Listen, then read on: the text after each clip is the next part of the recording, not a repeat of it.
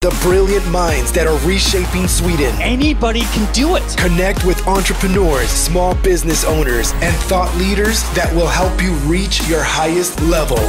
We're going to do this together. This is Actors Podden with Johan Moder Johan Mortensson. Sådär ja, nu är vi live.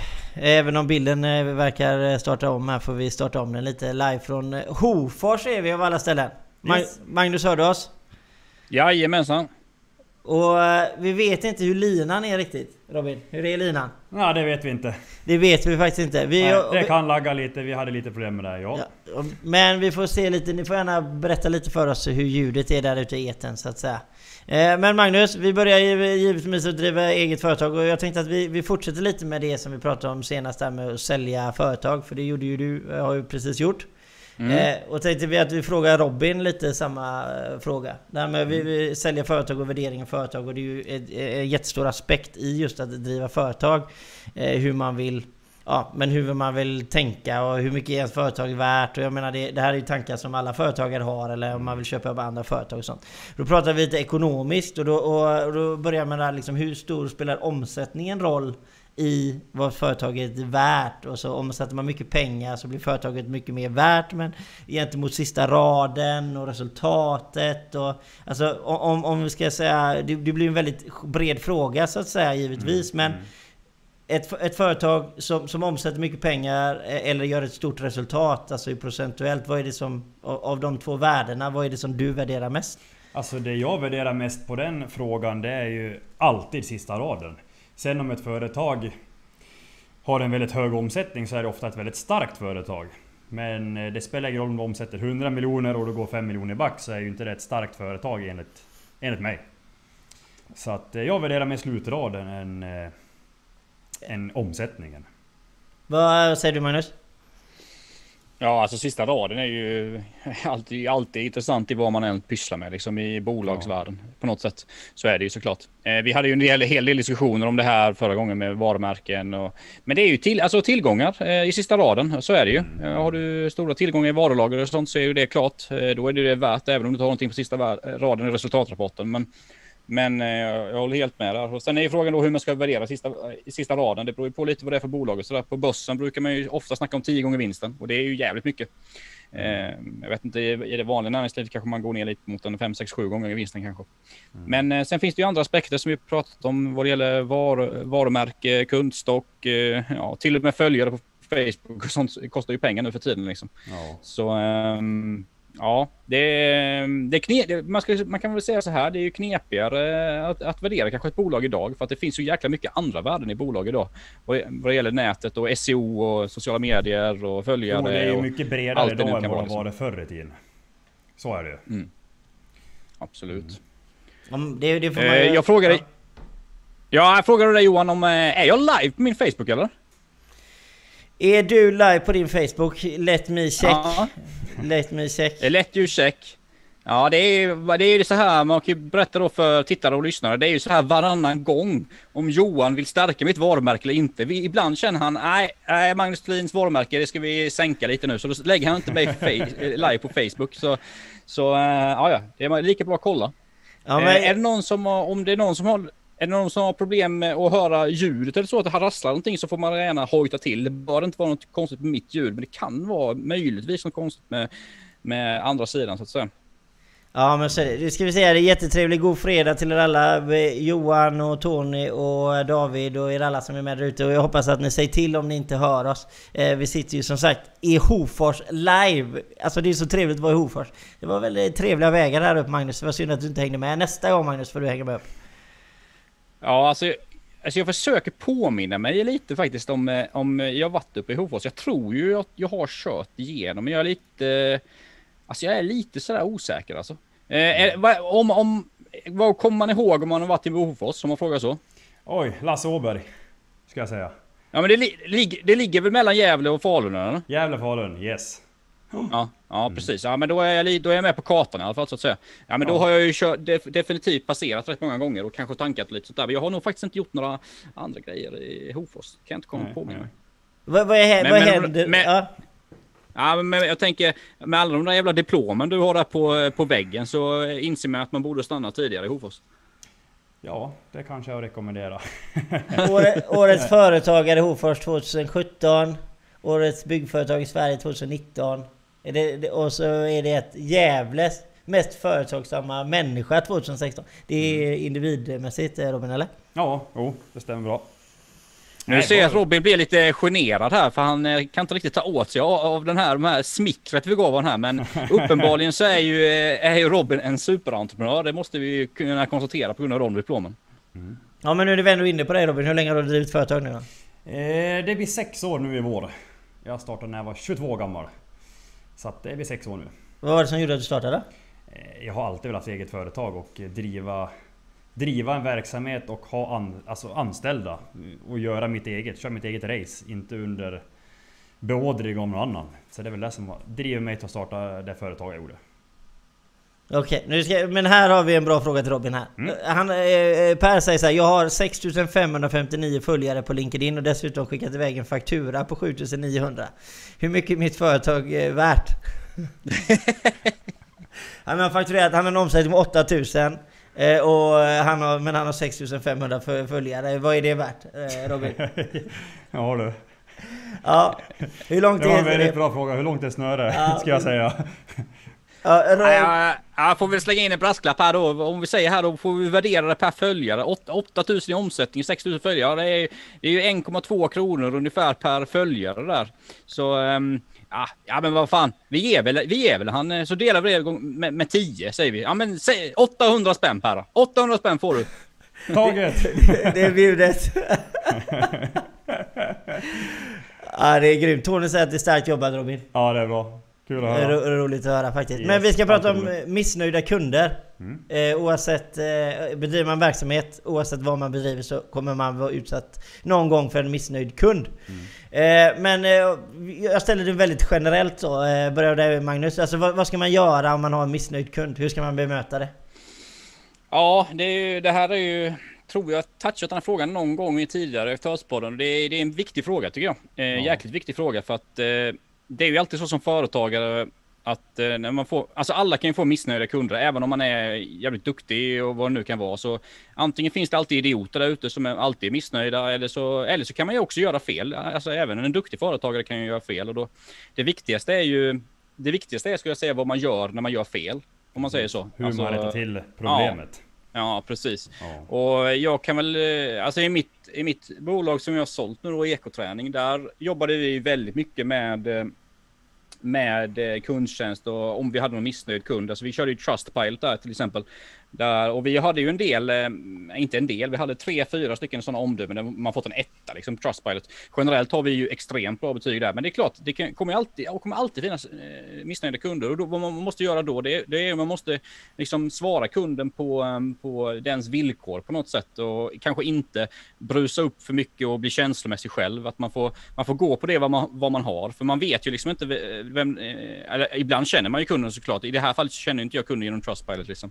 Så då måste man ju bara gå på det man har och är man, jag brukar säga så liksom, är man säker på det man har gjort och står för det man har gjort och, och liksom eh, erkänna om man har gjort något fel och kompensera därefter så, så brukar det alltid, då kan man ofta liksom vända en missnöjd kund till en nöjd kund om man säger så. Så jag skulle säga allting beror på vad du gör efter någonting har gått fel. Precis.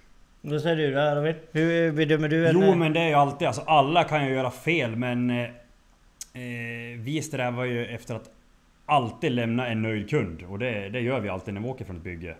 Eh, sen i de fall, i de få fall där de inte har varit nöjda, det är ju när det handlar om eh, kommunikationsbrist, att det har varit något fel. Att man inte har förstått, förstått varandra fullt ut. Eh, men det löser man ju ofta mun till mun och eh, rättar till så att eh, båda parter är glada. Så att, eh, vi har aldrig haft problem med missnöjda kunder. Men det, det är som Magnus säger att man måste rätta till felet eller ja, hitta vad som är felet för att kunna rätta till det. För mm, ja, allt handlar om vad du gör när du har en missnöjd kund. Om du struntar i det då är du inte alls bra. Nej. Missnöjd, missnöjd kund är väl en dåligt informerad kund? Ja, Ja, alltså, det- ja det, det finns ju de fallen såklart. Men, men alltså det, vi måste ju även konstatera att vi har med människor att göra också. Ofta är ju kunden en människa. Eller, alltså den som handlar upp någonting är ju ofta en människa där bakom skärmen som handlar upp någonting. Och det är ändå så att eh, det finns ju även fall där det finns idioter. För att med, det finns ju en bok som är, vi är omgivna av idioter till och med. Precis. Och det, det är klart att eh, ha, ha det på det torra från din egen sida. Gör allt för att göra det rätt om du har gjort någonting fel själv. Och går inte det och pe- personen är svår att göra med. Ja men då kanske det är bara så att den här personen kanske har andra problem. Den kanske inte har problem med själva det här jobbet eller eh, det den har köpt eller så. Den kanske har problem på personliga planer. Och så Precis. kan det ju också faktiskt, faktiskt Ja, vara. ja. Och då, då får man bara försöka hålla sig cool och... Ja, Men, men om, vi kom, om vi säger ett exempel istället att ni, ni har levererat det ni ska leverera men eh, kunden är inte nöjd ändå. Alltså det, det här kan ju också hända att man har köpt in en produkt eller vi säger att man har byggt ut huset Robin liksom. Mm, Efter eh, konstens alla regler, allting är asbra och kunden ändå är missnöjd. Alltså precis som vi pratade om eh, det här med att eh, vissa människor går, går ju inte att göra nöjda liksom. Men Mm. eh, någonstans så, så är ju det här med nästa mun till mun metoden, rekommendation och, och nästa så här. Men hur, hur ska man jobba med den här extremt svåra, svåra kunden då liksom? Det har jag faktiskt ingen erfarenhet av. Så att eh, det är svårt att säga. Utan eh, har man gjort enligt konst alla regler så att... Eh, då ska det inte kunna vara en missnöjd kund, anser jag. Sen eh, självklart så kan väl det hända, och det har väl säkert hänt, hänt andra företagare. Men då är det ju... Ja, funkar det inte att man diskuterar med kunden personligen så då lär man ju dra det vidare och se ve- vems fel, vart är det brist, vart är det fel någonstans. Då lär ju en- tredje part in i bilden så att man, så att man löser det. Ju- Du tänker Du- juridiskt eller någon... eh, Ja, för- juridiskt för- eller för- besiktningsman eller, Ja, eller vice versa. Någon, några andra ögon lär in och se på det. Vart är felet? Vart ligger det någonstans? Är det hos företagarna eller är det hos konsumenter som har handlat? Har du... eh, Du, ja, du, själv, du, själv, du själv Johan, har du släppt in någon svagströmmare på ett bygge någon gång så kunden har blivit missnöjd? Eh, alltså vi har ju alltså, vi har ju hållit på ganska länge nu. Så att eh, vi, självklart så har det varit många missnöjda kunder genom åren liksom. Men oftast är det eh, små servicejobb som man kanske tycker tar alltså du vet, en 20 minuter blir en timme till exempel. liksom sådana här grejer. Jo men det är Eh, för att folk inte ser att det är... Är ni där 20 minuter så ska ni ha för resan dit och resan tillbaka kanske Ja men alltså ty, så. typ sådana såna saker. Ja, alltså, ja, ja. Men sen generellt sett på stora entreprenader om det är någonting som har blivit fel. Mm. Eh, då- då blir det ju så här att man, då vill man ju bara rätta till det. Man vill liksom att det ska vara bra och det som man har kommit överens om. Ja. Och, och, och det följer man ju liksom. Eh, Och där brukar ju inte vara några problem. Utan det är de här små servicejobben som jag upp, eh, liksom finner att det är mest problem med. Mm. eh, För, för våran del liksom. Mm. Eh, ska vi se här nu då. Eh, här har vi någon. Min själva uppfattning om en missnöjd kund. Eh, uppfattar produkten eller lösningen, tjänsten korrekt i dagens stund. Men eh, om du bibehåller din positiva lösning till kundens behov så kommer kunden alltid återkoppla med ett positivt besked. Och då är det det du kommer minnas av dig även långsiktigt, eh, långsiktigt alltså det positiva då. Eh, och det är ett jättebra kommentar. Och det, det tycker jag också givetvis att man oavsett så har det ju det med bemötandet att göra. Men om vi säger att ni har en dålig dag då istället Robin. Du har en sjukt dålig dag, du är riktigt förbannad. Du är irriterad. Och så blir du bemött av en, en grymt, något negativt så att Nej, säga. där, sätt, där sätter inte jag mig själv. Då är, då är jag borta från marknaden den dagen. du är det? Ja. Du svarar inte? Nej! Det är bättre att låta bli om man, om man skulle ha en sån dag så att eh, då är man ingen trevlig. Då ska man inte vara bland kunder. Nej det rätt. Magnus? Ja, det är helt rätt inställning skulle jag säga. Så, eh, det Och är alla har så... dåliga dagar. Ja, ja absolut, det har alla. Och jag menar, är det så, är man företagare och sådär, då, då gäller det ju att vara proffsig liksom. Det är ju Yes. det som handlar om. Och, och jag menar, har man en dålig dag då, då får ju absolut inte det gå ut över sina kunder liksom. Då, Nej, kommer, Du nej. inte bli, då kommer du inte bli långvarig över ditt, Nej, ditt det är företag. oprofessionellt så att... Eh, ja. Men Magnus, om, eftersom du har drivit webbshop då liksom och så är det någonting som är fel och så vill kunden eh, frakta tillbaka en vara som det står i policy att det inte ska fraktas. Det måste ju ändå vara en ganska vanlig grej om man driver eh, alltså typ webbshop liksom. Hur, Alltså, jag skulle hur, inte hur säga- bemöter man det? Ja, alltså jag skulle inte säga att vi har så mycket retur. Alltså jag, jag hade ju det varumärket i tre år, nu är det sålt. Men alltså jag skulle ju säga så här, vi hade inte så mycket returer beroende på de produkterna vi sålde liksom. För de, det var ju konsumtionsprodukter i, alltså, som man la i munnen liksom. Så ofta var det ju så att man var tvungen att öppna förpackningen liksom. Det är inte som med, som med kläder, att folk tar hem dem och så provar dem och så skickar de tillbaka massa. Så det är lite annorlunda. Alltså jag har haft, jag kan seriöst räkna på jag, jag tror vi hade under de här tre åren några tusen, men några tusen ordrar och jag kan säga att vi har fått max, max 20 returer på de här tre Mm. åren. Så liksom det, det är Det är verkligen ingen... Det är ingen lite. Ja, det är extremt lite. Men Ja. jag tror det beror på det, na- naturen. Hade vi sålt kläder liksom, så hade det varit en helt annan sak. Då får, Du vet, man lyssnar ju på, om man lyssnar på Booster och, och Zalando och sån här på deras RMA-siffror, alltså retursiffrorna. Det är ju helt, det är helt sinnessjuka siffror. Det är typ 50% returer liksom. Eh, och jag menar då, Alltså jag får ju ångest bara jag tänker på det. Tänk att hantera så mycket returer och kunna prissätta din verksamhet efter så mycket, mycket returer och all, all, all kundtjänst och återpaketering och fix och don med Postnord och DHL. Alltså, usch, det är bara ång ångest är det för mig alltså. Ja det förstår jag. Men alltså vi måste ju på något sätt ändå avsluta det här med missnöjda kunder liksom. Och då, då måste vi säga Magnus, vilken är den mest missnöjda kunden du har haft? Eller vilken är liksom situation? Om man säger det får vi säga, du ska inte nämna namn givetvis. Nej, precis. Nej, men jag har haft... Alltså det beror ju på. Det mest missnöjda kunden hade jag ju det här varumärket ekoträning. Men det, det var ju en person som inte var riktigt frisk liksom. Ehm, som, som skrev en kommentar på Trustpilot. Eh, och jag, jag, det är bara att gå in och läsa och se vad jag har skrivit liksom. Jag, jag, jag, jag skriver tillbaka på ett sakligt och rationellt sätt. Men slutar med kommentarer att det är ett oseriöst kund liksom. Eh, så det, det tycker jag, och det menar, jag, jag tycker svarar man på det sättet, det kan också vändas till en styrka liksom. Svarar man på ett rationellt sätt och på ett korrekt sätt och, och berättar eh, som allmänheten kan se då vad det är som har gått fel och sådär.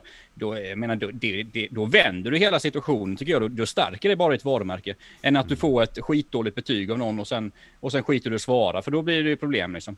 Men som sagt, detta handlar ju om ordervärden, väldigt låga ordervärden. Jag har ju, jag har ju ett annat bolag också liksom. Och jag skulle säga det andra bolaget har inte jag haft, jag tror inte jag har haft någon sån riktig missnöjd kund liksom.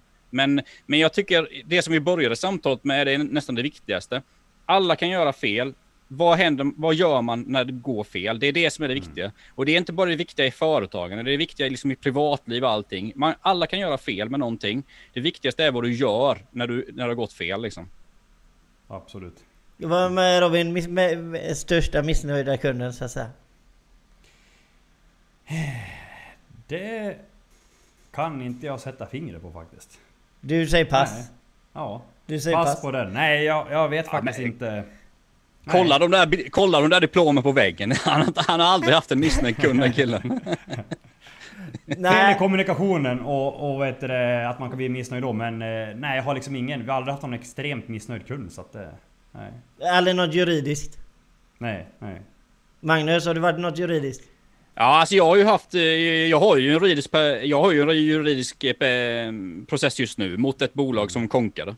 Eh, så, men det, det är ju inte, en- alltså det är en kund till mig, så jag är ju en jävligt missnöjd kund kan jag ju Ja. säga. till, till, till, till, den.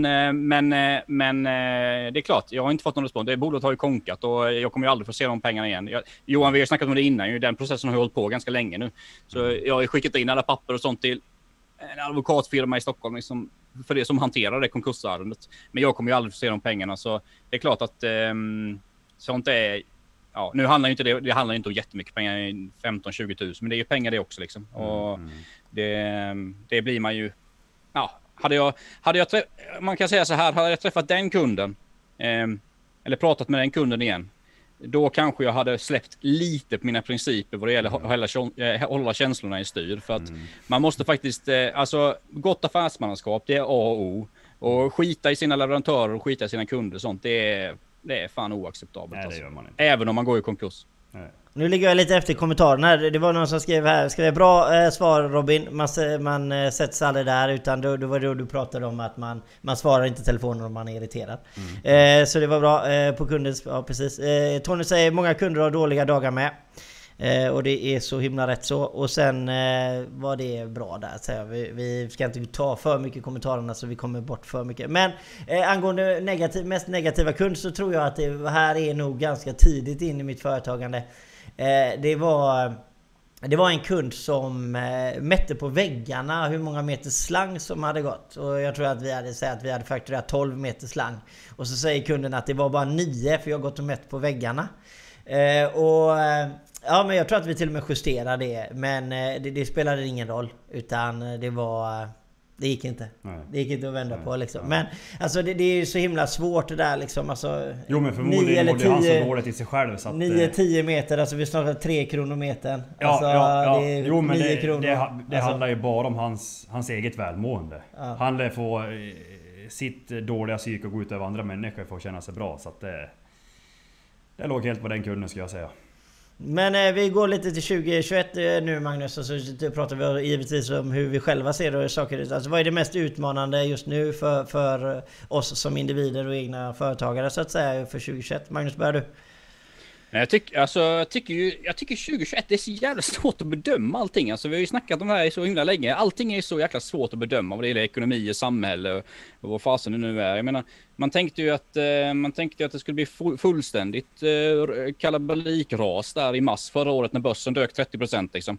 Och, eh, men sen återhämtade den sig och nu har ju börsen gått upp över index liksom. Så det är så jäkla svårt att säga, men det är ju ändå så att vi har ju pratat om det innan, vad de här alla bidrag och sådär, dopade marknader och, och sånt här, stöd till företagare och sånt. Och det är klart att sånt här grej, sånt här måste ju tas bort någon gång. Så det kan ju vara så att det får någon slags effekt där. Sen, sen, sen eh, jag skulle säga det som jag kanske är mest oroad för generellt, liksom på marknaden och för näringslivet och allting sånt, det är ju typ inflation och sånt. Alltså, för att det har ju tryckts så jävla mycket pengar eh, nu det senaste året, både i Sverige och i hela världen för att, eh, för att täcka upp eh, liksom alla hål i bolag hos privatpersoner och hos eh, ja, olika myndigheter och sådana saker. Så det är ju ett, det är ju en varningstecken och det, ju, det, då kan man ju vara hur jävla taggad som helst, en företagare och vara duktig som fasen och tänka positivt på allt och köra så det ryker. Det, problemet är att blir det superinflation så um, blir det ju jobbigt för, eh, för varenda kotte liksom. Så eh, inflationen är lite, den är lite oroande för mig faktiskt, men jag tror ju ändå inte det.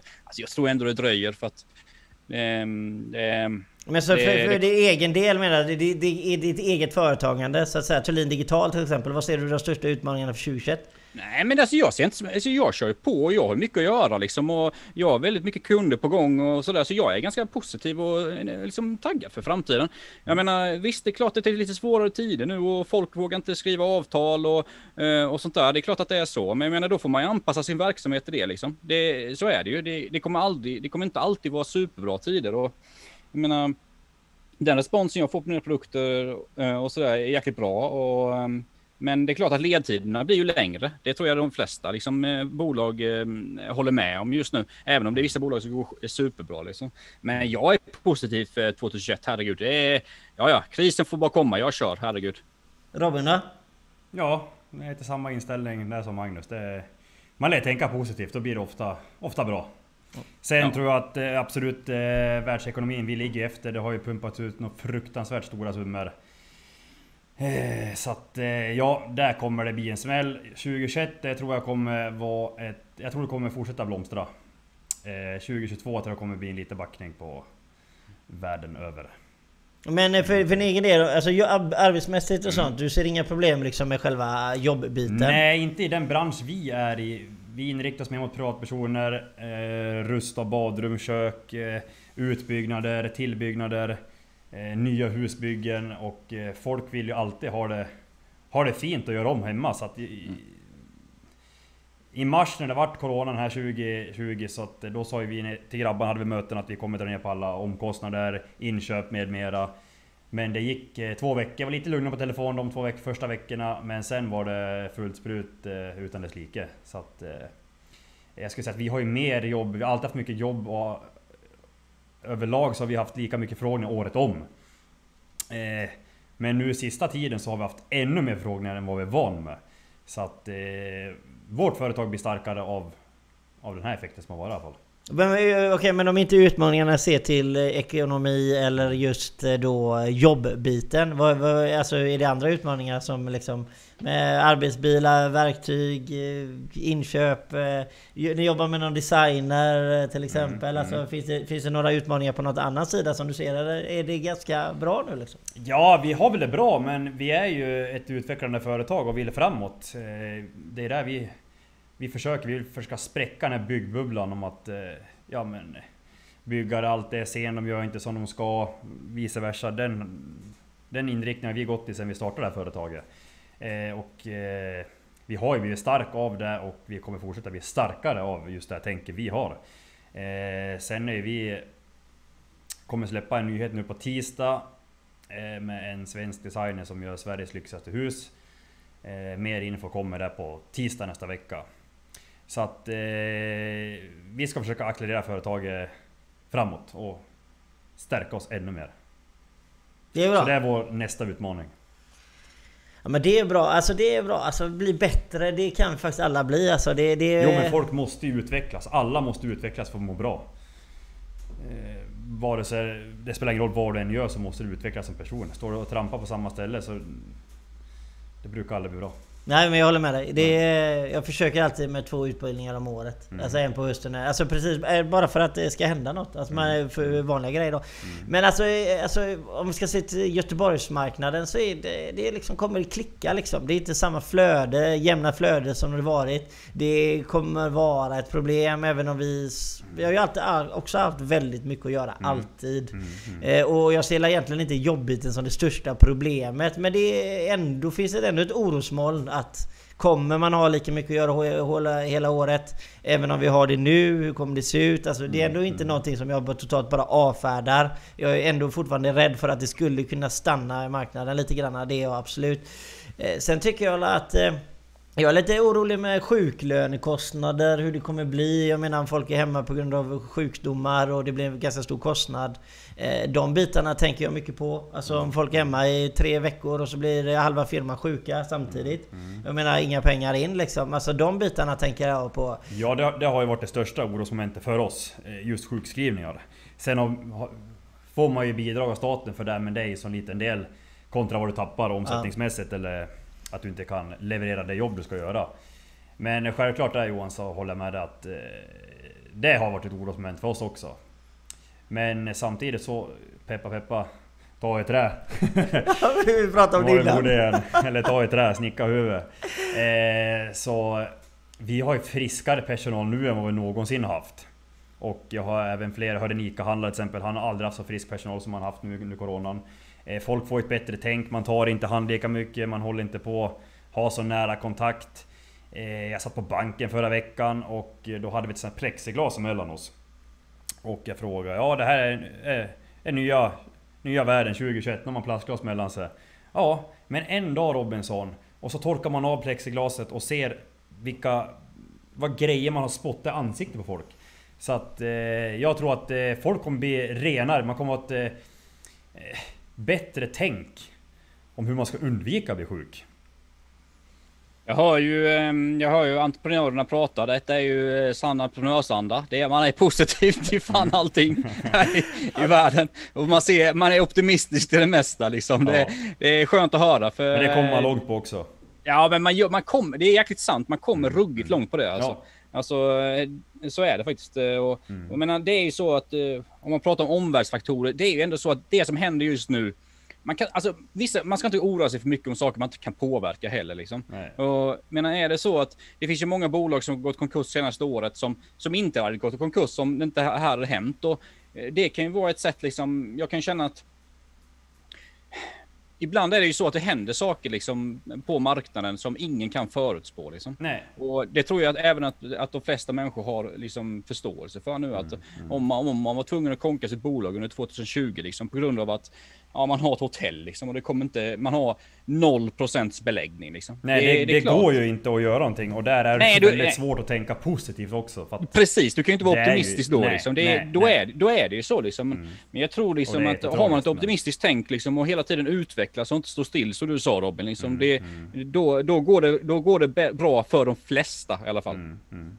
Vi har en väldigt trevlig fråga här, eller lite svår eh, säkert nöt att knäcka som jag ska ta, som vi ska få ta upp. Eh, har en delikat situation som har hänt. Sålde en produkt för en enorm summa tidigt 2020. Kunden var en kommun i Sverige. Kunden efterfrågade specifik information om artikeln som min arbetsgivare inte kunde förutse.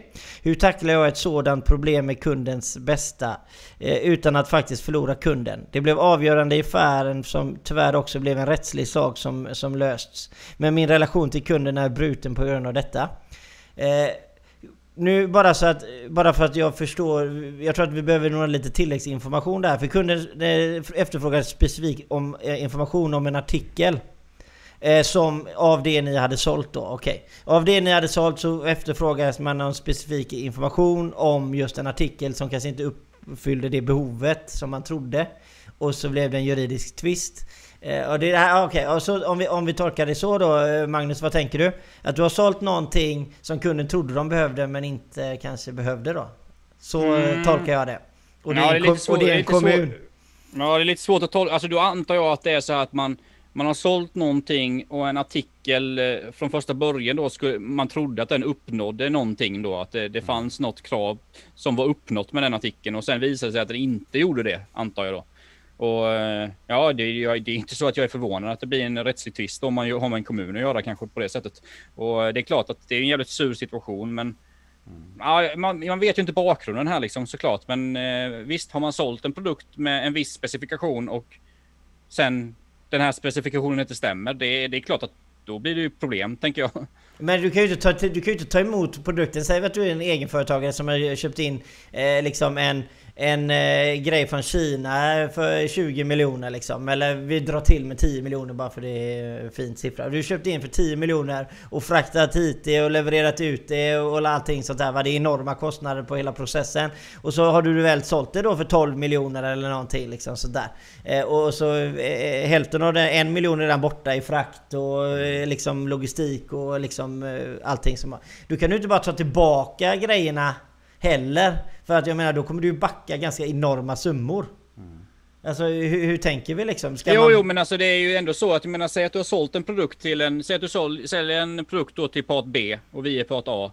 Och part B har beställt produkten av oss enligt en specifikation som vi har liksom gett till part B. Och sen visar sig att den här specifikationen eh, inte fungerar eh, för part B. Och då, då innebär ju det att specen inte är korrekt.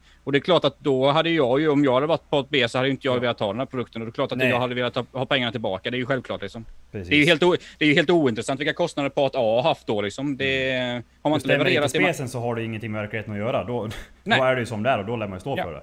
Ja. Det, Men om specifikationen alltså... Stämmer och de har misstolkat, då, då är det helt på deras ansvar tycker jag. Ja precis, alltså det är det ja. jag menar. För att jag mm, tänker mm. typ om, om, om, en beställare går in och, och, specifikt säger att jag vill köpa... Mm. Eh, jag vill köpa eh, liksom eh, valnötsgolv av dig mm. eh, Robin. Och du går in och köper valnötsgolv för en miljon. Mm. Och så säljer du en och sen när du får dem, ja ah, det är inte tillräckligt brunt. Och så vill jag mm. köpa tillbaka det och så har du köpt in det redan och kan inte lämna tillbaka det själv. Ja. Alltså det, det ja, så att, och just det som vi pratar om nu tycker jag det speglar ju liksom hela den här juridiska processen som egentligen vi diskuterade. Vem har ansvaret? Hur gick det till? Och det, det är de, den här informationen som är svårt som vi inte har. Så därför kan vi ju inte säga kanske egentligen vem sida man hade stått på i, eh, i en twist. Eh, sådär. Men, eh, men min arbetsgivare gav ej information säger där och kunden köpte men sen har företaget varit låst i snart ett år.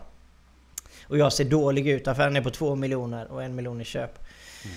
Ja, alltså det, det, det, det, låter ju som den här säljaren som jag tror att det är som skriver då. Det låter ju som den här säljaren eh, har, har levt i tron att, att man har levererat rätt eh, spes på produkten liksom. Men sen visar det sig av någon anledning genom arbetsgivaren eller vad det nu kan vara att spesen inte var rätt. Och det är klart, mm. det är ju skitsurt om man är säljare när man, när man tror att man har gjort ett gott affärsmannaskap och sålt rätt eh, pryl liksom. Mm. Och sen visar det sig av någon anledning att det inte stämmer. Det är klart, då, då förstår jag ju att det är skitsurt liksom.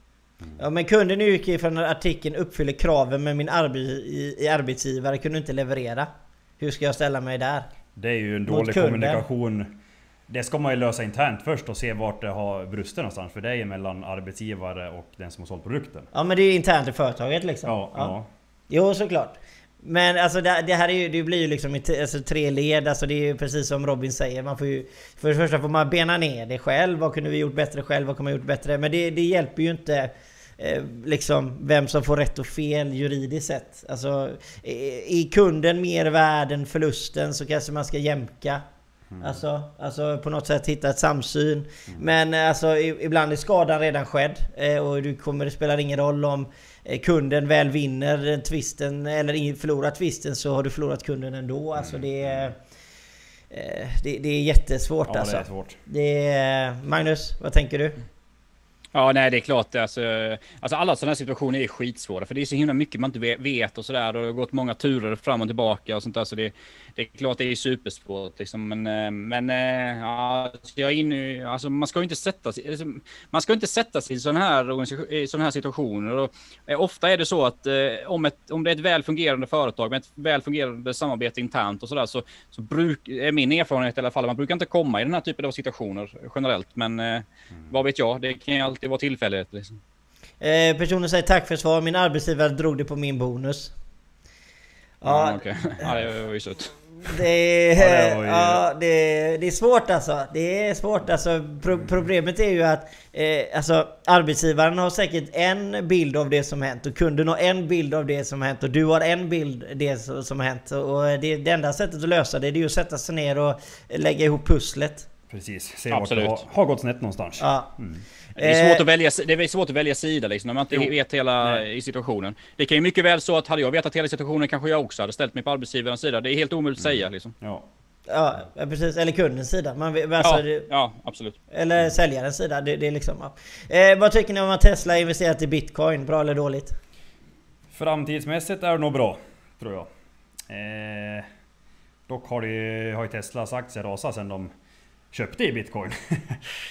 Men eh, över, över tid så tror jag att eh, Tesla blir starkare. Det är som sagt världens starkaste företag som drivs av världens rikaste man. Så att, eh, Ja, men vad tycker ni om att Tesla investerat i bitcoin? Mm. Alltså liksom, om just att de har lagt över... Jag, jag tolkar frågan som att, eh, att man går förbi bankerna och investerar i en valuta som är digital istället. Att man... Jo men det är i framtiden så att varför inte? Och Elon Musk tänker väldigt framtidslångt så att... Ja, Nej, du, du är positiv ja, mot... absolut. Ab vad är Magnus? Nej, men jag håller ju med där. Alltså, det, det är inte så, jag är inte så förvånad att Elon Musk gör det. Liksom. Det, det, är ju så att uh, han gör väl en bedömning då. När han väl sett på, på bitcoinkursen tillräckligt länge nu så inser att uh, den är stabil eller har gått upp jävligt mycket. Men också mm. att han tänker att blockchain liksom, uh, kommer vara framtiden. Och det, det tror jag också. Alltså blockchain teknik är galet bra. Inte bara när det gäller liksom valuta men även att spara en mängd olika annan typer av information. Så jag tror också på den tekniken svinmycket. Mm. Sen är det ju så att nu är ju då, nu är ju Tesla ett väldigt speciellt eh, bolag med en extremt speciell ägare i Elon Musk liksom. Mm. Och det är klart att det finns ju alltid en risk med ett sådant bolag. Jag, jag tillhör ju de som, eh, det är ju så att i, Tesla är ju värderat till eh, typ Mercedes, BMW, Volkswagen tillsammans liksom. Mm. Så um, det är ju, det skulle jag ju säga är lite orostecken, deras värdering. Jag menar det räcker ju med att Elon Musk kör vägen imorgon och dör i en krasch liksom, så kommer ju det bolagets värdering, eh, ja, sjunka med 90 procent, håller jag på att säga. Vad vet jag. Men det är värderingsmässigt bolag. Det är, det är klart att det finns en, en, en bubbelrisk i det bolaget, skulle jag definitivt säga. Men, men det är ju det ändå har, så. Det har de sagt länge dock. Eh, där absolut, att, absolut. Att de är absolut. övervärderade, men eh, de fortsätter bara växa. Ja det är ju det som är, det är, ju det som är ja, så jävla ja. konstigt i vår, vår men, typ av men värld. har man, se på Elon Musk, har man eh, charterresor till månen som mål innan man dör så ja. Ja, absolut. Ja, det, är, det, är, det är det som vi pratade om innan här, värdering liksom. Mm. Eh, det är ju en jävligt typexempel på värdering här. Där snackar vi ju börsen. Men jag menar, mm. ska Tesla vara, vara värt mer än BMW, Mercedes Volkswagen och sånt tillsammans? Kanske inte, men marknaden värderar ju det. Det är ju, det är ju mm. marknaden som bestämmer värderingen. Liksom, så, ja. Men om, vi går till, om jag går tillbaka till det här med i alla fall eh, banker mot kryptovalutor så ser ju inte jag, alltså jag personligen bryr mig egentligen inte vad jag handlar i. Bara jag kan handla. Eh, sen kan jag ju förstå det att människor som handlar mellan nationer, handlar globalt, att de vill ha en valuta som inte är så himla anpassad till en sak utan det är en generell sak med inga massa avgifter hit och dit. Och, eh, alltså det blir väldigt enkelt att handla över världen. Då, då förstår jag det. Det är väldigt bra med kryptovalutor på det sättet att eh, man förbiser bankerna. Men samtidigt sätter man bankerna ur system som man hade gjort om man går över totalt på kryptovalutor så kommer det också medföra ett väldigt, väldigt strukturellt problem mm. för hela samhället, för företaget, för allting. Så att alltså jag, jag, har inga problem med det, men man måste se om det väl kommer hända kommer det bli otroligt stora utmaningar och vi har men, inte de eh, lösningarna just nu. Men, men både, både och Johan, alltså för grejen är ju så här att det är ju så att bitcoinen driver ju utvecklingen också jäkligt mycket. Och jag menar du kan ju se på svenska riksbanken, nu kommer ju e-kronan här alldeles strax liksom, som med blockchain-teknik. Så det är ju ändå så att eh, Bitcoin har ju drivit fram tekniken att till och med riksbanker e egenproducerar liksom e-valutor nu liksom. Mm. Så jag tror ändå att visst, det är klart att det finns ju, det finns ju det finns ju problem om man bara tänker så att, att, att bitcoin kommer fortsätta som det är idag och bankerna kommer fortsätta som det är idag. Men det kommer inte marknaden kommer inte, det kommer inte förbli på det sättet att bankerna kommer ju anpassa sig till detta. Riksbanken kommer också börja göra blockchain-grejer. Så jag tror ju, jag tror det är svinskönt för framtiden. Jag menar, jag kan, jag bara, bara de avgifterna jag betalar för när jag köper in grejer från Asien, liksom, på, dels på valutaförlust, och, men även avgifter på de fakturorna som jag betalar till banken. Det är, I love it liksom. Mm. Ja men alltså, du säger ju samma sak. Bara jag säger det, hade det implementerats nu så hade det blivit problem. Men jag bryr mig inte vad jag handlar i. Så att, mm. eh, precis senare och när allting är anpassat och klart så absolut, jag, jag inga, inga problem med det. Och, och men där... du ser inte lösningen? Att de har inte lösningen ja, Nej men alltså nej. precis, inte just nu för att nej. vi skulle gå över till att bara handla med bitcoin nu. Det hade ju inte funkat. Nej. Hur skulle du handla varor på ICA liksom? Mm. Alltså, då ska du sälja och så ska du få ut det på, i vanliga kronor ändå. Alltså, vi får se. Jag menar i England var det, var det för ett par år sedan eller när de gjorde första försäljningen med fastighet på bitcoin va? Mm. Det var ju en stor nyhet om det. Jag vet inte när det, det var mm. men det var något år sedan va? Så att jag menar det är klart alltså, att det, man kan ju ta, du vet, man kan ju ta, om jag tar exempel igen med e-kronan som Riksbanken jobbar med liksom. Jag tycker det är jävligt intressant för att eh, det ger, ger, ju också en dimension att staten eh, kan kontrollera sina pengar mer liksom. Eh, för jag menar, säg nu bara under den här pandemin, den krisen vi har haft nu, liksom. De här företagslånen till exempel som staten garanterade var ju tvungen att gå igenom bankerna. Så att bankerna har ju en, en väldigt stora fördelar beroende på sin position. Liksom de, de, de, de lever ju på att de är banker och har massa bankgarantier och eh, det är väldigt låg konkurrens och sådana saker. Så jag tror ju, alltså all teknik och sätt att, eh, att utmana bankerna, inte kanske att vi ska fälla bankerna, absolut inte, men att utmana bankerna att bli mer effektiva, mm. bli bill få billigare avgifter, sänka räntor, sådana saker. Det tror jag är bra liksom. Ja men det är absolut. Eh, ska vi se, vi ska gå tillbaka lite till den här affären där. Eh, det var så att personen i fråga sålde en pandemiprodukt till kommuner och landsting. Men eh, eh hans arbetsgivare, eller hons arbetsgivare, sa att den lever upp till krav, men det gjorde den inte. Och det får jag mm. sota för.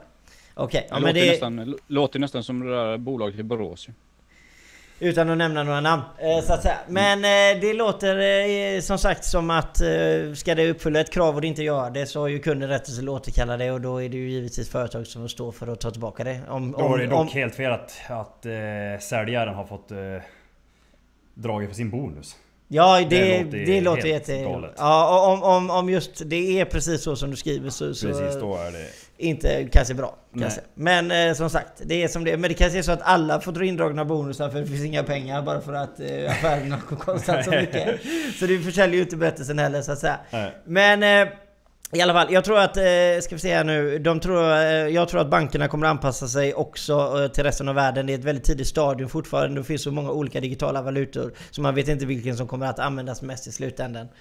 Och så är det. Jag tror ju att Ja, jag, alltså jag är svårt att se alltså, om, om, vi ska handla med en valuta som inte är eh, styrd av myndigheterna. Det är det som är det, alltså om vi får ett globalt mm. eh, då. Men alltså det, det här är skitintressant alltså. Jag, jag, det är intressant, jag, men det jag har ingen aning då. hur det kommer att bli. Jag har, ingen, jag har ingen känsla alls. Robin, vad tror du? Ja, det, jag, jag tror det är framtiden. Så är det. Men vad? Alltså, tror du att det kommer vara en specifik valuta som kommer användas eller kommer e-kronan användas eller vad? Jag tror det kan bli lite både och där faktiskt. Okej, okay, du ja, tror att det är du ja. uppe liksom? Sen, sen, är jag lite... Jag är alltid positiv till nya grejer och vill se, men sen är det ju... Det är kryptovaluta, det är pengar som inte finns. Så att, eh, ja.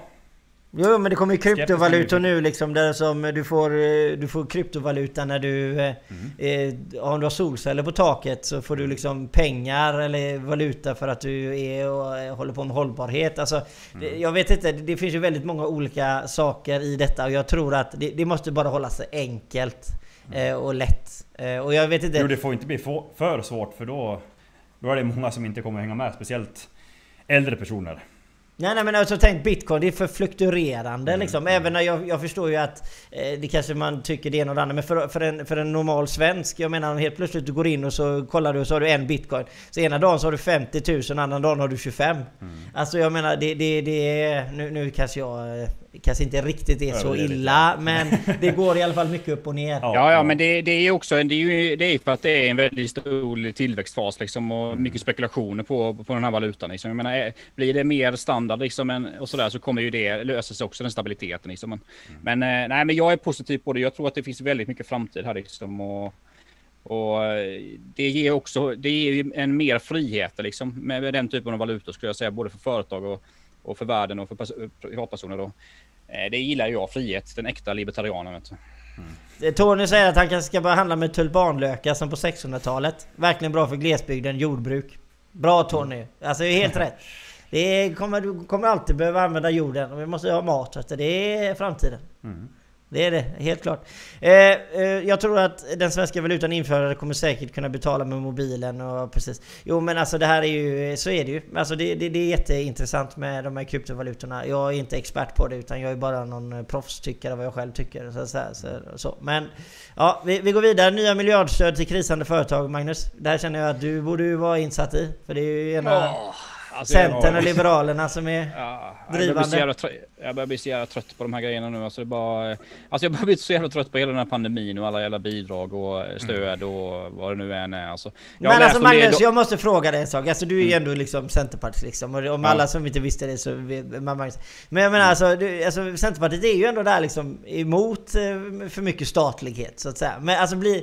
Alltså Centern och Liberalerna står ju bakom varenda stö, stödpaket liksom. Är, är, Mm, jag är, vet. Är det bra liksom eller dåligt? Kan man vara oliktänkande eller Nej, vad men det, är liksom, klart, alltså- det, är klart att, det är klart att det skär lite i ens, mitt egna liberala hjärta liksom. När, man, när staten går in och, och liksom subventionerar och ger bidrag. För det är ju väldigt emot, om man ska bli lite ideologisk, så är det ju extremt mycket emot min egna ideologi. Liksom. Jag tror ju inte på bidrag och sådana grejer. Jag tror ju på marknaden väldigt, väldigt mycket. Så det är klart att det blir problematiskt då eh, hur man ser på det. Men eh, på ett sätt så kan jag ju sympatisera med att man gör det, för man behöver göra någonting. Men du, både du och jag Johan har ju snackat om helt andra åtgärder som man borde kanske ha gjort istället. Eh, typ återbetalningsskatter, skatter, slopa skatter till exempel. Det är ju ett, om man, ska, om man ska gå in rent ideologiskt då mot vad Centerpartiet och Liberalerna säger att de är ju liberaler, då, då, då borde ju en sån lösning vara mycket mer, liksom ligga mycket närmare till hands. För att det är ändå så, är man en äkta li, eh, liberal, då tycker man ju att eh, skatter är stöld liksom av staten. Så, eh, så det, det, för mig är det ett, ett mer renlärigt eh, sätt att göra det. Och det är ju liksom ingen hemlighet att jag eh, har varit lite kritisk mot de här grejerna, även om jag är centerpartist. Liksom. Men eh, det, det tycker jag, det måste man kunna vara. Liksom. Man måste inte hålla med om allting här i världen. Jag tycker det är bra att man gör olika typer av stöd till företagen, definitivt. Det tror jag behövs när man stänger ner marknaden. Liksom. Vad tänker sen- du om det här Robin? Jo men absolut, jag håller helt med Magnus så. Med skatt men... Eh, till viss del tycker jag att det är bra att de har delat ut stöd för det är många som inte har klarat sig utan stödet. Exempel sjukskrivningar. Att eh, folk lever hemma så mycket. Alltså, det är ju ingenting man har med i kalkylen när jag startade mitt företag att det skulle få så långa sjukskrivningar till exempel. Om jag hade haft det. Som många, många företag har haft. Sen tycker jag det är väldigt, väldigt fel att dela ut eh, miljardstöd till stora bolag som plockar enorma utdelningar. Det är... Men de får ju inte plocka ut dem ju. Ja men de har ju plockat ut. Nej de får ju inte plocka... Ja men du beslutar ju om en utdelning. Ja, ja men precis, ja, men eh, vissa... Jo. Har du beslutat om en utdelning och fått miljonstöd så då, det tycker jag inte är okej. Nej, men du- bra där. Äntligen, äntligen har jag en på min sida här. Nej, Robin. Johan, nu får du dig din jävel. Nej men alltså jag, jag har ingenting emot det. Jag tänker bara så här att eh, om, om vi är ett Sverige som är på väg nerför och du stryper kapitaltillväxten. Mm. Så är ju det ett problem för att då tillförs ju inte nya pengar in i marknaden. Det är det som jag är... Jo, jag, jag har jo. ingenting emot. Jag tycker inte heller man ska använda skattepengar till massa grejer. Men problemet blir ju då att om du stryper där så kanske 10 000 på andra sidan inte har ett jobb att gå till. Och då måste a-kassa... Alltså du vet, det, det, det, det är så Mm, Jo jättesvårt men det, det är ju en liksom. helt annan sak. Ja, men det är så jag tänker. Nej Ja, men det det, det, går, tänker, det går men- ihop liksom. Ja, fast ändå inte. Eh, jag tycker att det, det är som jag sa, att jag tycker det är helt okej. Eh, många företag har inte klarat sig utan de här statliga stöden. Eh, och då är det billigare för staten att ge en viss summa till ett företag för att få det liv, för att få skatter många, många år framöver. Så det, har, det tjänar staten igen. Eh, det de inte tjänar igen det är att ge stora, stora bolag miljon eh, stöd. Ja, du som menar- de senare menar- ja, plockar precis. ut ututdelningar samma år och har gått miljonvinster. Det Alltså, är det jag alltså jag, fel. jag, är Jo men det, alltså, jag är ju- det, beror på vilket stöd. Du alltså, tänker vi på vad heter det? Eh, hempermitteringsstöd till exempel. Mm. Mm. Det är det vi tänker på för det är där de största pengarna ligger Magnus. Jo, och där kommer det bli en extrem granskning kommer det bli. Och det är Nej, folk alltså, som har fifflat med det, det jag tycker ju, eh, alltså jag tycker ju Robin är inne på jäkligt sunda sätt här liksom. För det, mm. det här, det här jag tycker detta handlar väldigt mycket, för jag tycker det har blivit en, en väldigt stor, börjar bli en väldigt stor fråga också, det här med små och stora bolag liksom.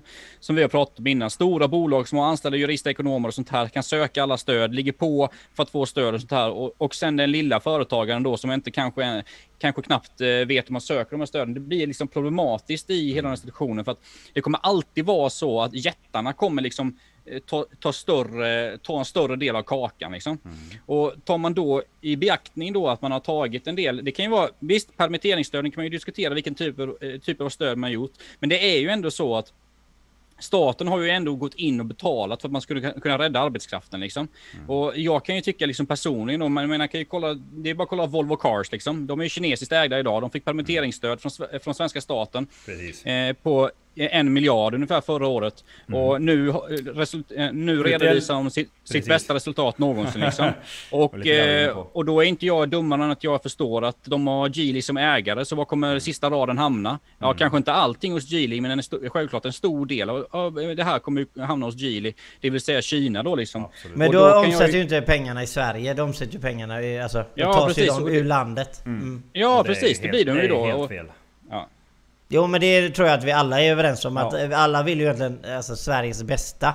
Eh, men försvinner ekonomin från Sverige så är det klart att det kommer inte gärna. Jo, jo men alltså Johan, Johan alltså, ekonomin är ju så jäkla global så ägare i stora bolag, jag menar det är ju ingenting, alltså de flesta storägda, bo, alltså, de bolagen som ägs av starka ägare på börsen och sånt där. Det är ju alltså, det är ju väldigt, väldigt många fall det är utländska ägare liksom.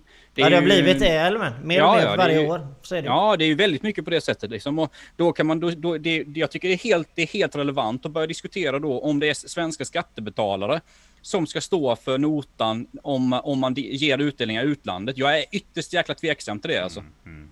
Jo men precis, alltså, ja. sen är det ju så här, alltså, när vi pratar stora bolag så, så, brukar vi alla, det är ju börs, börsutdelningar vi pratar om då mm. till största delen så att säga. I ett litet företag, ett med, medelstort företag så är det ju en aktieutdelning som inte har, inte börsnoterad. Utan det handlar ju liksom om vad man själv vill ge ut per aktie mm. Eh, internt. Alltså det, det, är ju lite skillnad bara så att man är med på vad vi tänker på liksom för att... Själv, självklart. Ja. Alltid, det är inte svart eller vitt liksom. Det är klart att det finns i många fall man kan diskutera men eh, jag pratar bara liksom om grund grundprincipen hur jag tycker man ska tänka. För jag menar, jag vet ju själv hur man tänker som företagare, eh, som småföretagare. Man är ju jävligt, eh, man är ju jävligt eh, liksom mån om alla sina skatter och man betalar i tid och man vill inte utnyttja staten. Man vill, liksom, man vill inte ta bidrag och sånt här. Och, och jag, jag tror det kommer visa sig när det får, vi får lite granskningar här om några år att de som kommer att förlorare på de här, det kommer att vara småföretagen ja. garanterat. Mm. Ja men det, det, har vi redan sagt från första stunden. Jag menar det, det var ju till och med när stöden kom att småföretagare mm. blev att eh, inte ens inkluderade. Men alltså det här kommer att bli jätteintressant för, för, för åren som kommer framöver. För det är någonting som kommer bli diskuterat länge. Men det, det är en av de största det, det, sakerna diskuteras ju inte ens eh, idag. Och det är ju att eh, Arbetsgivaren har ju förlorat rätten totalt när det kommer till sjukskrivningar. Alltså vi pratar ju om sjukskrivningslönerna. Problemet är ju ett väldigt stort problem idag för en liten småföretagare. Det är ju att vem som helst kan ju ta upp telefonen och ringer man in. Du, jag mår lite dåligt idag. Ja, Okej, okay, vad är det då? Nej men du vet, jag är snorkråka. Okej, okay, jag måste nog vara hemma och göra en covid-test. Ja, men jag kommer tillbaka om en vecka. Mm. Och en arbetsgivare kan inte göra någonting. Alltså vi snackar permitteringarna är en väldigt stor kostnad. Men sen är sjuklönekostnaderna som egenföretagarna ska stå för. Som när, när de fått säga upp makten av att någon kan bestämma själv att jag är hemma en vecka nu och du kan inte göra någonting. Det är ett väldigt, väldigt stort problem. Och jag säger inte det att det är fel och jag förstår att vi inte ska sprida covid. Men när man tar bort den rättigheten från en arbetsgivare att kunna ifrågasätta någon när någon är hemma. Det är... Men alltså jag tror ju att detta är också en kombination. Du vet att, att det blir lite spretigt i sådana här förslag och sådana här saker också. Det, jag tror också det är en kombination av det liksom makten vi har i Sverige idag liksom, eh, som, har, som bestämmer uppe på regeringskansliet och i riksdagen liksom det är ju en kombination av, det är en jävla salig blandning som har makten i det här landet. Vi har ju miljöpartister och socialdemokrater som sitter i regering. Och sen har vi två liberala partier då eh, som är ett stödhjul lite då för, för, för regeringen liksom. Då blir det ju, det, alltså det blir ju jäkligt, det blir ju, det blir ju jäkligt spretigt allting, för det är ju ingen hemlighet att Liberalerna och Centerpartiet eh, gynnar småföretagen eh, och arbetsgivare mycket i sina förslag. Man, ty man tycker det är jävligt viktigt. Liksom. Det är ju ingen hemlighet. Medan det är ingen hemlighet att socialdemokratin eh, gynnar arbetstagarna väldigt mycket. Så det är klart att det blir spretigt som fasen alltså. Mm. Ja, men ska vi säga, vi var permitterade i Q2 2020 men vi gick bättre 2019 med 2 miljarder. Nu retro, re, retroaktivt ersättning. Bolaget återdrag sin begäran från myndigheterna. Eh, och jag menar det, det är ju också en sak eh, som en skriver här att eh, det är ju sådana saker som kommer hända. Och om de inte då begär alltså återdragning och göra om alltså de här så kommer de kunna bli väldigt hårt ansatta av mm. staten sen. Så att jag vet inte, det är precis som vi har sagt, det är väldigt svårt att säga exakt hur mycket pengar det kommer bli för att det är väldigt många som kommer få dra tillbaka det och betala tillbaka. Mm. Men ska vi se, Tony säger minimums, minimumnivåerna. Eh, vad kommer hända med, vad händer med det och EU och facket och allting som händer? Och eh, jag tror att det är en fråga Tony som är en väldigt bra fråga. Eh, men vi har två minuter kvar nu. Och jag tror inte vi ska ta upp den frågan för då är det en halvtimme framöver. För att då jävlar, då går, då går jag loss på, på 100%. ja precis. Och det kom, på alla cylindrar. Ja, då kommer vi sluta med... Då kommer vi sitta och nicka kameran här jag och Magnus. Ja, vi får ja. haveri här då. Men och, och, så säger Johan säger att jag kanske är centerpartist. Och så säger jag det till Johan och säger så här, Vet du inte vad du tycker om precis ingenting och allting, då är du centerpartist. alltså, jag kan ärligt jag kan ärligt säga, alltså, det, jag kan ärligt säga, vilken, vilken parti man än är medlem i, så funderar man ibland att herregud, man träffar andra i partier, kan man stå så långt ifrån varandra, så jag lovar, det är likadant i alla partier. Så jag, jag, tror det är, jag tror det är svårt att säga eh, att, att, man, att man just är en centerpartist, eller att man just är en, en eh, ja, moderat. Det kommer bli som Donald, du kommer bli som Donald Trump, Magnus, att folk kommer bara följa dig. Jag skiter ja, var du är någonstans. Jag följer ja, bara dig. Ja, ja, ja, absolut. Det är ju därför jag är med i den här podden. Jag sprider mitt varumärke här. Jag tar, eh, tar taktpinnen för framtiden, vet du. Fast inte Johan eh, sänder live. Ja, precis. Exakt. Ja, exakt.